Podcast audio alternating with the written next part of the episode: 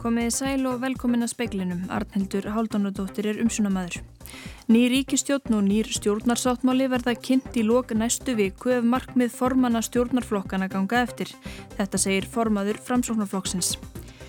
Borgarstjóri segir að ekki verði brúðist við áætluðum hallarekstri borgarinnar með niðurskurði og gjaldskrarhækkunum. Alvarlegir ofbeldisglæpir hafi verið framtir í tíkrið hér aði í Eþjópiu undarfartamánuði, það sögn mannréttindastjóra saminuðu þjóðana. Árið 2030 má reikna með því að um 5% eigna lífeyrissjóðs verslunamanna verði skilgrendar sem loftslagsvænar. Yfir lögfræðingu sjóðsins segir að fjárfestingakostinir þurfi að breytast eigi sjóðurinn að verða græni. Forsættisraður að segir kórnverufaröldurinn hafa sínt fram á bæði styrkleika og veikleika norræns samstarfs, umræður um varnarmál hafa verið áberandi á þingi Norðurlandaráðs í Kaupmannahöfn. Hverki í Evrópu er vændi eins umfangsmikið og á Spáni, Sósælistaflokkur Spánar hefur nú heitið því að uppræta það. Ný ríkistjórn og nýr stjórnarsáttmáli verða kynnt í lók næstu viku ef markmið formanna stjórnarflokkana ganga eftir. Þetta segir Sigurður Ingi Jóhansson, formaður framsvonarflokksins. Viðræður gangi vel og formennir komi saman til funda á förstu dag um helgina. Hann segir verkefni verða færð millir áðuneyta og útilokar ekki fjölgun þeirra.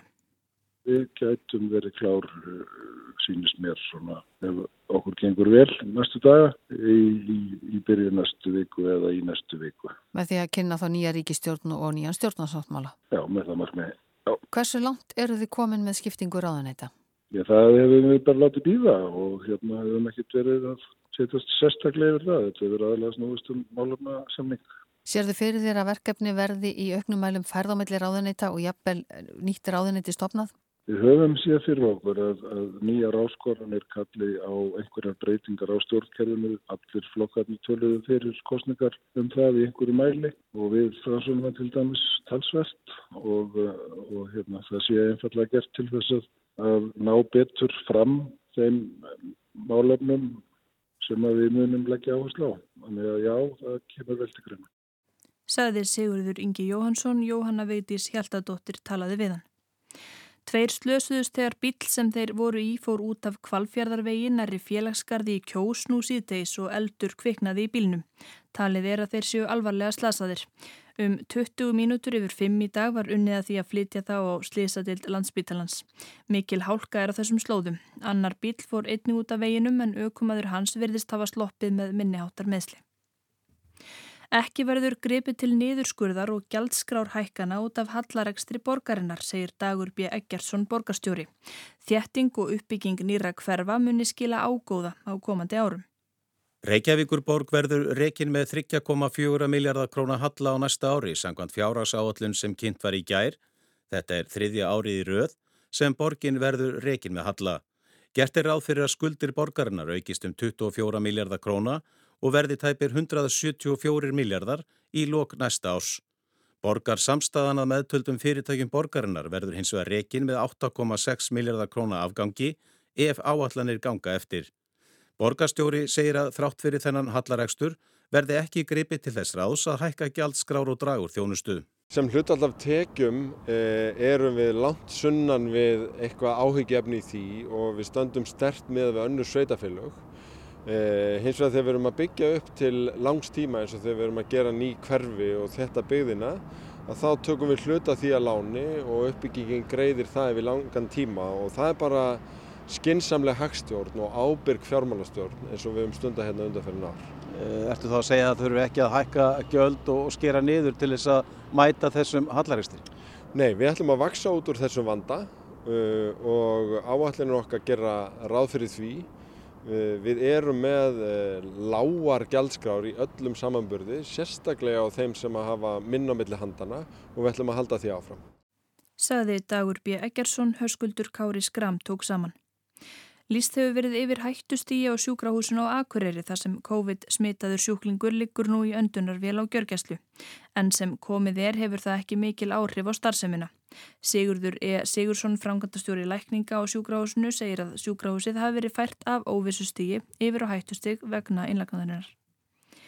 Árni Finnsson formaður Náttúruvendarsamtaka Íslands segir að ræða Katrínar Jakobsdóttur fórsættisráð þeirra á loftslagsþingi saminuðu þjóðuna í Glasgow í gær hafi verið þunn í róðinu.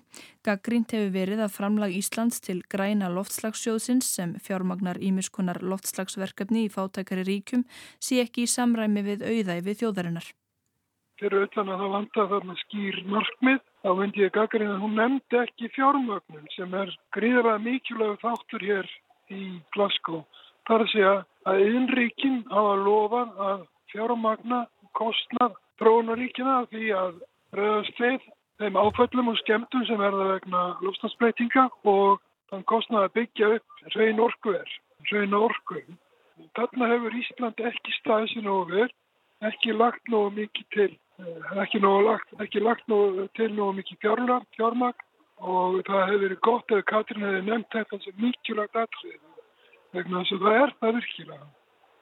Ísland er eitt af þessu löndum sem eru neða við viðmið fyrir þau ríki sem eru svona auðug að þau geti gefið meira og ætti að gera meira. Segir Átni Finnsson. Mannréttindastjóri saminuðu þjóðana Michelle Bachelet segir að alvarlegir ofbeldisglæpir hafi verið framtir í tiggræði héræði. Nauðsynlegt sé að draga, draga þá til ábyrðar sem stóðu að þeim. Neiðar ástandi hefur verið líst yfir í landinu. Bachelet greindi í dag frá nýðurstöður ansóknar mannréttindaráðs saminuðu þjóðana og mannréttindanemndar eða þjópíu á ástandinu í tiggræði. Harðvítu átök hafa staðið þar yfir frá því að Abiy Ahmed forsættisar á þeirra sendið þangað hér fyrir ári til að brjóta á baka aftur ansbyrnu frelsis fylkingar hér aðsins. Að sangn mannréttindastjórans hafa átökin ennkjænst af yfirgengilegu ofbeldi slíku að jæðri við glæpi gegn mankinni. Nauðsynlegt sé að draga þá til ábyrðar sem stóðu að bakið því.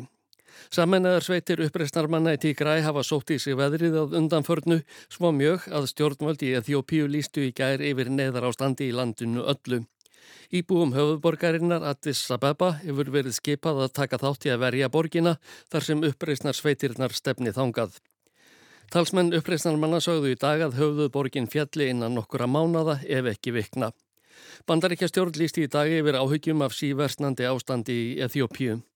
Jeffrey Feldman, sérlegur sendimaður stjórnvalda á Somalíu skaga, fer þangað á morgun að leta leiða til að læja öldur millir stríðandi fylkinga. Ásker Tómasson saði frá. Um 580 COVID-síni voru tekin á heilbriðistofnun Vesturlands á Akranes í dag. Bóðað var í sínatöku vegna fjöldasmita sem greinst hafa á vesturluta landsins síðustu daga. Fjölbördaskóli Vesturlands verður lokaður frum á förstu dagið minsta vegna smits sem grunuleikur á að hafi breyðst út í skólanum. Kvorki miðflokkurinn nýja sósilistaflokkur Íslands ná manni inn á þing samkvæmt nýjum þjóðarpúlsi Gallups. Píratar bæta við sér um um tveimur prósundustegum frá kostningum. Sjálfstæðisflokkurinn mælist sem fyrr með mest fylgi eða 22,8% sem er minna en flokkurinn fekk í nýjafstöðnum alþingiskostningum. 17,2% stiðja framsótnarflokkin sem er nánast að sama og flokkurinn fekk í kostningunum. Vinstri græn mælast með 13,4%, tæpu prósentustígi meira enn í kostningunum. Píratar bæta við sig rúmum 2% stígum og mælast nú með 11% fylgi Minni breytingar er á fylgi samfylkingarinnar og viðreysnar, samfylkingin mælist með 9,8 og viðreysn 8,9. Flokkur fólksins mælist með 7,9% en fekk 8,9 í kostningunum. Kvorki sósialistar nýja miðflokkurinn næðu mönnuminn og þing, sósialistar mælast með 4,6% og miðflokkurinn 4,3%. Nánar má lesum þessa könnun á rú.is. Hörskuldur Kári Skram tók saman.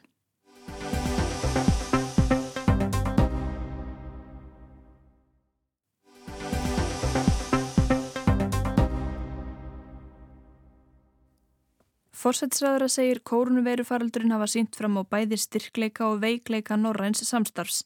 Hún ávarpaði þing Norðurlandaráðs í Kristjánsborgar höll í Kaupmannahöfn í dag. Tekist þar á um landamæralokanir á þinginu. Óhætt er að segja að kórnuveirufaraldurinn sé í brennidepli hér á þingi Norðurlandaráðs í Kaupmannahöfn. Í aðdraganda þingsins var byrt skísla um viðþorf almennings á Norðurlöndum til samstarfstjóðana. Á sama tíma á 86% telja Norrænt samstarf mikilvægt til að næðis einna hverjum tíu að samstarfið hafi verið gott á tímum faraldursins. Bertel Horter, fósetti Norðurlandaráðs, hefur ekki dreyið döl af því að hann telli samstarfið hafa beðið nekki. Veiran hefur gengið um norrænt samstarf, saðan í viðtali við kristilega dagblæðið á dögunum og hann kom þeim sjónamiðum á framfæri við fósettisráðurana þegar þeir ávörpuðu samkunduna í Kristjánsborgarhöll síðdeis í dag. Hann var ekki einn um það. Þingmenn af landamærasvæðum Norex og Svíþjóðar lístu erfiðri reynslu þeirra sem treysta á frjálst flæði milli landa. Í ræðusinni sagði Katrín Jakobsdóttir fósettisráð þeirra þó að faraldurinn hefði sínt fram á bæði veikleika og styrkleika norræns samstarfs. Fyrstu viðbröð okkar við faraldrinum og kannski sérstaklega ríkja sem eru mjög vönd því að fólk ferðast yfir landamæri jafnvel daglega. Eh, fyrstu viðbröð þessara ríkja sumra hverja voru bara að loka sínum landamærum eh, og það eru skiljanlega viðbröð þegar fólk stendur frammi fyrir raun og veru algjörlega óþægtri ók en eins og þú heyrðir á umræðunum þá situr þetta töluvert í talsmönnum norræns samstarfs því ofinn landamæri eru þetta svona ákveðin undir staða hins norræna samstarfs en styrkleikanir voru líka þeir að í raun og veru um leið og þessi fyrstu viðbröð svona gengu yfir þá uh, varð samstarfi mjög þjætt bæða vettfangi samstarfsráð þeirra Norðurlanda, eh, heilbriðisráð þeirra, utaríkisráðunetana, það voru mjög þjættir fundir. Segir Katrín. Hún nefndi sérstaklega hvað auðvelt væri að taka upp síman og ringja í norræna kollega sína og það er tekið endilega við um alla þjóðarleituga. Og undir það tók Mette Fredriksen, fórsetisráð þeirra Danmerkur og Geskjafi. Það væri sannarlega auðvelt að taka upp síman. Mette varði þær ákvarðanir sem dönsk stjórnvöld hafa tekið í faraldrinum en sagði þó mikilvægt að Norðurlönd eruð betur búin undir næstu krísu Því hún kemur, þóttu vitum ekki hvers eðlis hún verður, saði fósættisráður hann.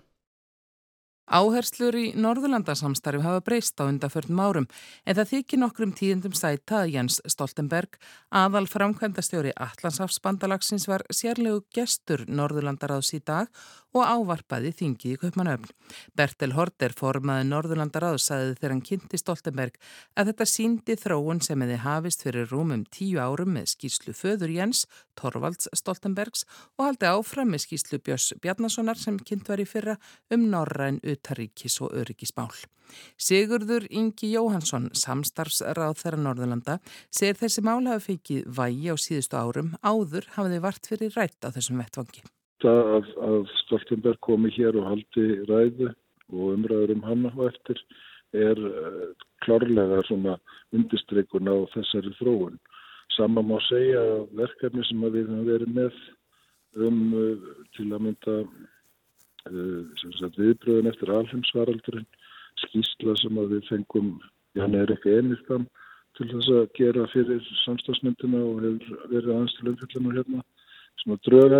Drögin að henni, hún liggur nú ekki fyrir, fyrir endarlega fyrir í nóber senna að hún fjallar einmitt líka um, um viðbrasáallinir og, og öryggis hluti þannig að já, ég held að með fullir af það að, bæði öryggismáli í hildsinni en einnig varnarmál séu komin á daskar á Norrlunda þings meir heldur en það voru áður.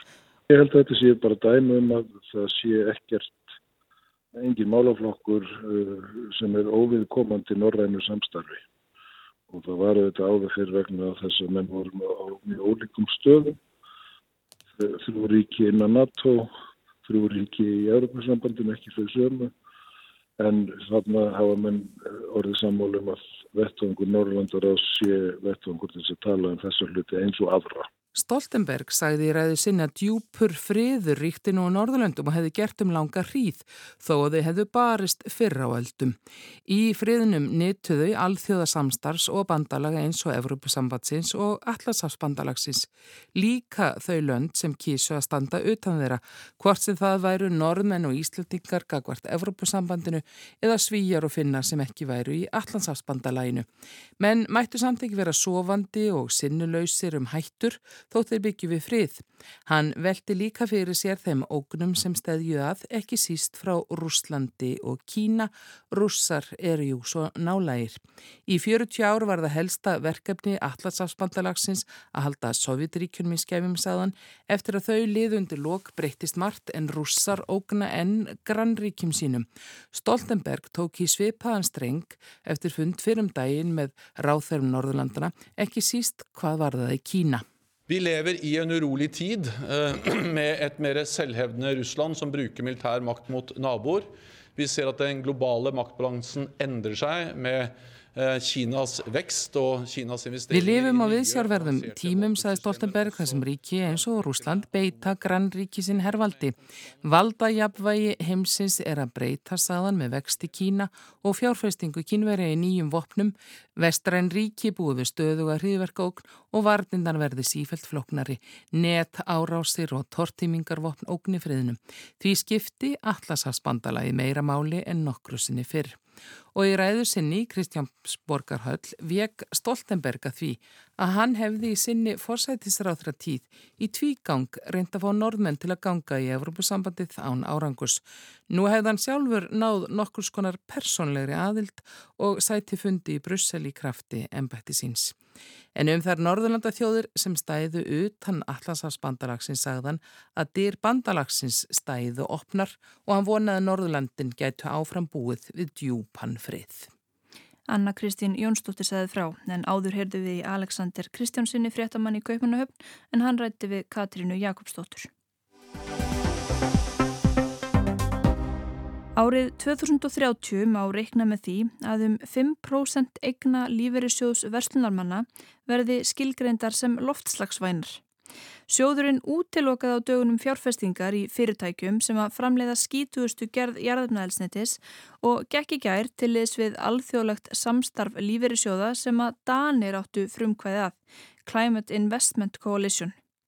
Innan þess ramma heikjast íslenskir lífeyrissjóðir verja samtals 580 miljardum króna til loftslagstengdra verkefna á næstu átta árum og það er af allar stærsti sjóðurinn, lífeyrissjóðu Vestlandamanna, að leggja til 150 miljardar. Við spurðum Tómas Njál Möller yfir lögfræðingssjóðsins hvað þetta þýtti í raun. 150 miljardar á næstu átta árum, hvað er þetta stór hluti af ykkar fjárfestingum? Hversu djúbstætt er þetta í heilda samhenginu? Já, sko, ef við horfum á þetta svona, sjóðurinn er um 1100 miljardar í dag. Við getum gert ráð fyrir að hann tvöfaldist í stærn fram til 2030, við hefum tekið þetta fullir um það. Þannig að þá getum við sagt að þetta sé eitthvað stærn kring 10% núna og verður kannski 5% næst, í loka áratöðunars.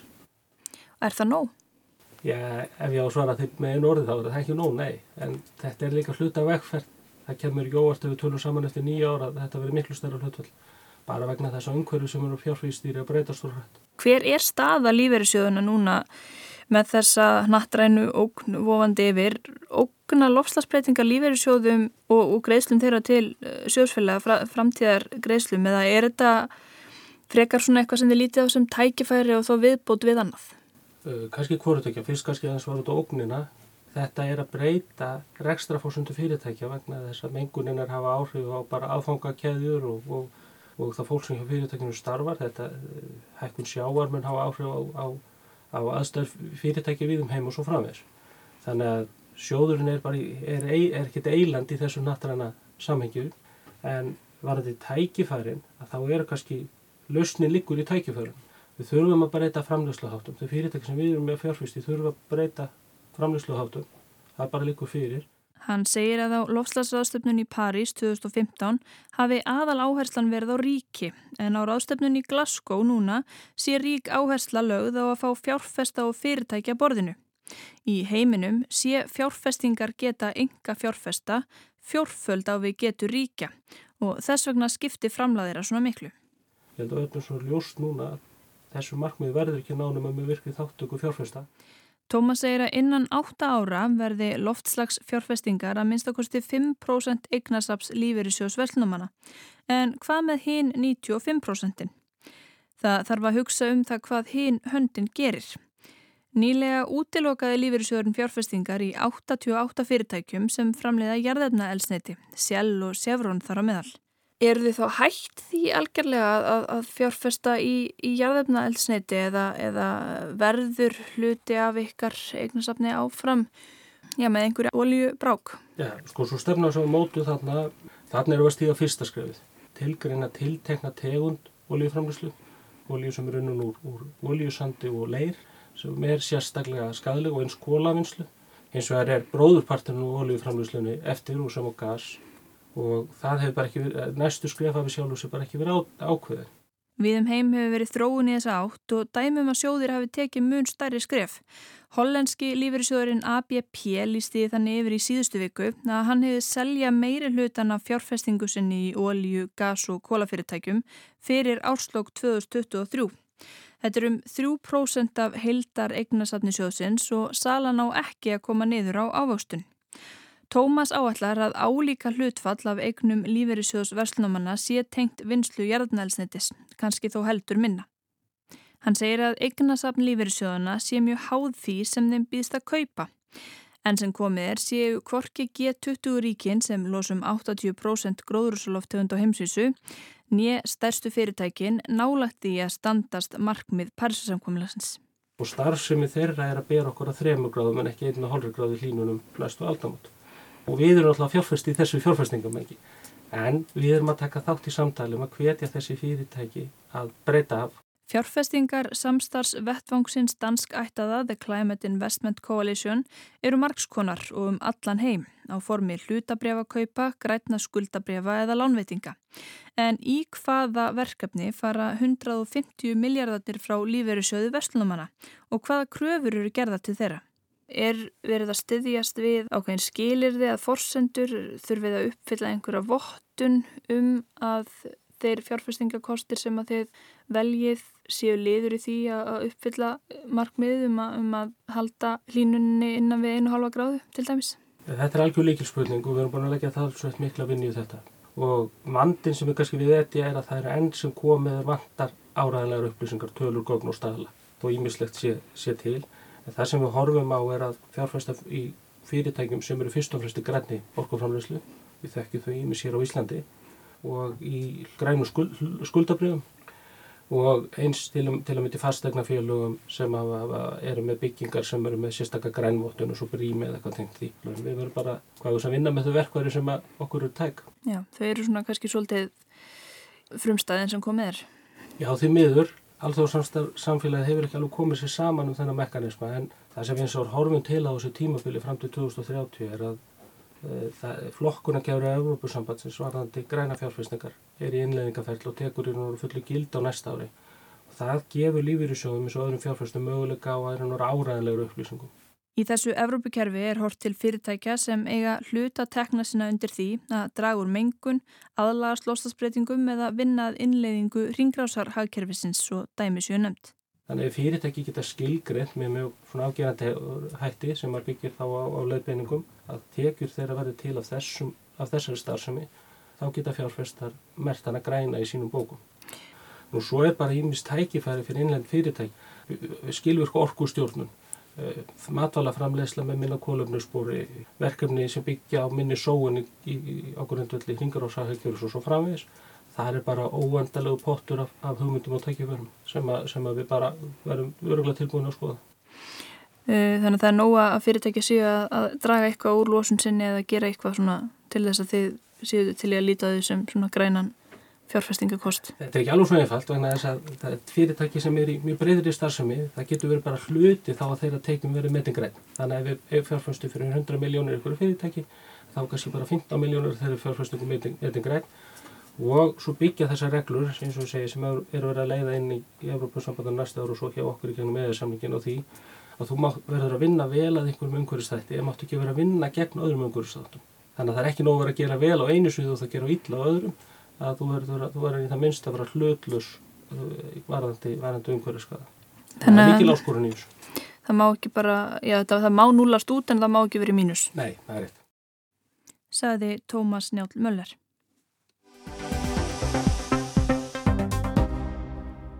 Sósélistaflokkur Spánar sem leiðir ríkistjónina hefur heitið því að uppræta vændi á Spáni. Hverki í Evrópu er vændi eins umfangsmikið og spáni og talið er að alltaf 350.000 konur aflið sér viðurværis með vændi. Lang flestar þeirra eru kynlífstrælar sem stunda þessa yðju gegn vilja sínu. Y también sale de este Congreso un compromiso que llevaré a término. Avanzaremos aboliendo la prostitución que esclaviza a las mujeres de nuestro, en nuestro país. 5.000 fundarmenn á nýjafstöðnum 40. landsfundi Sósælistaflokksins rísúr sætum og fögnuðu með dinjandi lófatæki þegar Pedro Sánchez, formaður flokksins og forsætisráþur á Spánar, lofaði því að uppræta vændi á Spáni og losa þar með þúsundur hvenna undan þeim þrældómi og hlekkjum sem vændi bindur þær í. En það er meirinn að segja það að ætla uppræta vændi á Spáni. Hvergi í Evrópu er vændi jafn útbreytt og á heimsvísu er Spán í þriðja sæti þegar kemur að umfangi vændis á eftir Tælandi og Puerto Rico. Alls er talið að um 350.000 konur stundi vændi á Spáni og að 80-90% þeirra séu fórnarlömb mannsals. Kannanir sína að tæp 40% allra spænskra karla, hvorki meira nefnina, hafa einhver tíman keift sér þjónustu vendiskvenna. Talið er að vendi hér í landi velti 5 miljónum evra á degi hverjum. Það þýðir að ásveldan hleypur á tæpum 2 miljardum evra eða um 270 miljardum íslenskara króna. Sumstaðar er því reyndar haldið fram að upphæðin sé helmingi hærri. Til samanburðar má geta þess að heldar aflaverðmæti íslenska fiskveiðiflótans í fyrra var tæpir 150 miljardar króna. Sósælistaflokkurinn hefur um langt árabil talað gegn vændi sem vel að merkja er löglegt hér í landi. Hins vegar er ólöglegt að þriðji aðili hagnist á vændi en það er nú einhvað síður reglan fremur en undantekningin og við því er lítið aðhafst. En nú ætlar sósélistaflokkurinn sem sé að láta sverfa til stáls. Rökin eru einföld og skýr, flokkurinn telur að vændi brjóti gegn almennum mannréttindum og þeim jafnbreytismarkmiðum sem samfélagið hefur sett sér. Flokkurinn vil fara nokkrar leiðir að markinu. Milliliðum sem hagnist á vændi, í daglugu tali oft hreinlega kallaðir melludólgar en eru oftar en ekki skipulög glæpasamtök, verði refsað í auknum mæli. Eigandum húsnaðis þar sem vændi er stundað verði sömulegis refsað og að vændiskonum verði hjálpað að losna úr viðjum kynlífstrælkunar. Síðast en ekki síst vil sósælistaflokkurinn fara sænskuleðina. Það er að segja að gera vændiskaup ólögleg þannig að hver sá sem verði uppvísa því að kaupa sér vændi verði saksóttur. Og einmitt það gæti reynst þrautin þingri. Spænska dagblæði El País hefur kannad afstöðu allra flokka sem eiga fulltrúa á spænska þinginu og niðurstaðan er að sósjálistaflokkurinn stendur algerlega einangraður í þessari afstöðu sinni. Engum öðrum stjórnmálaflokki á Spáni hugnast nefnilega sænska leiðin. Unidas Podemos, samstagsflokkur sósjálista í ríkistjórninni, leggst gegn því að refsa kúnanum, hið sama ávið um sjálfstæðisflokka Katalóna og Baska vinstra megin við miðju. Borgaraflokkurinn sem skilgrinnir sig sem frjálslindan miðjuflokk vill að skýr greinarmunur verði gerður á vændiskonum sem stundi starfsitt af fúsum og frálsum vilja og þeim sem eru neftar í ánöð og að einungis þeim sem greiði hinnum síðar nefndu verðir efsað. Hvernig hægt verður að útfæra þessa leið fást fá svör við. Stóri flokkurinn á hægri væng spænskra stjórnmálapartíð og popular eða líðflokkurinn hefur ekki svaraði hvar hann stendur í málinu. Það hafa þjóðurnissinnarnir í Vox heldur ekki gert. Í leiðana El País fyrir nokkrum dögum var því haldið fram að nær öll ríki Evrópu hefðu með einu með öðrum hætti reynd að draga úr umfangi vændis en ekkert er að hefði fundið þeina endanlegu lausn á vandanum að öllum líkindum vegna þess að hinn endanlega lausn vandans e, sé einfallega ekki til. Leiðarahöfundur segir að sama hvaða leið verði farin að því að uppræta vendi, þá sé það eina sem ekki megi lengur viðgangast að sé að loka augunum fyrir vandanum. Hann sé til staðar og að á honum verði að taka. Á meðan ekkert annað sé gert en að tala um vandan og upplýsa almenning um alvarleika hans, lifi 20.000 hvenna án verndar og í stöðugri hættu. Þeirra vegna þurfi stjórnmöld að hafa hraðan á. Og já, ríkistjórnum verður sannarlega að hafa hraðar hendur ætlum sér að koma einhverjum breytingum í gegn. Þingkostningar fara fram eftir tvö ár og þetta er umfangsmikið, flókið og umdelt mál sem ekki bara flýgur sér svona í gegnum spænska þingið. Því er talið að stjórnum muni ekki leggja fram nýtt lagafrumvarp heldur gera nöðsynlegar breytingar á þegar framlögðu lagafrumvarpi um kynfrelsi. Þannig að allavega eitthvað af lofordum sósælista nái fram að ganga. Bráðuniti jafnbreytismála er í höndum Podemos sem eins og fyrr segir er andsnúin því að sekta vendiskaupandan. Einar raða þeirra er mest áhersla lögð á að tryggja réttindi kvennana. Mikilvægast sé að bjóða konunum upp á útleið út úr vendinu og þrælahaldinu Verði það ekki gert, verði konur áfram kynlífstrælar og fórnarlömp aukins áðbeldis. Um eitt eru þó allir eða flestir sammála. Vændi verður ekki upprækt án þess að bjóða konum sem það stunda, flestar gegn sínum vilja, atvinnu, húsnæði, aðgangað heilbriðiskerfinu og möguleika á að menta sig. Jóhann Hlíðar Harðarsson talaði frá Spáni og veðurhorfur það verður suðvestlega átt í nóttu á morgun, kaldi eða strekkingur, skúrir um vestanvert landið en þurft og bjart austan til. Hiti breytist lítið. Fleiri er ekki spekli kvöldsins, Markus Hjaldarsson sendi út, verið sæl.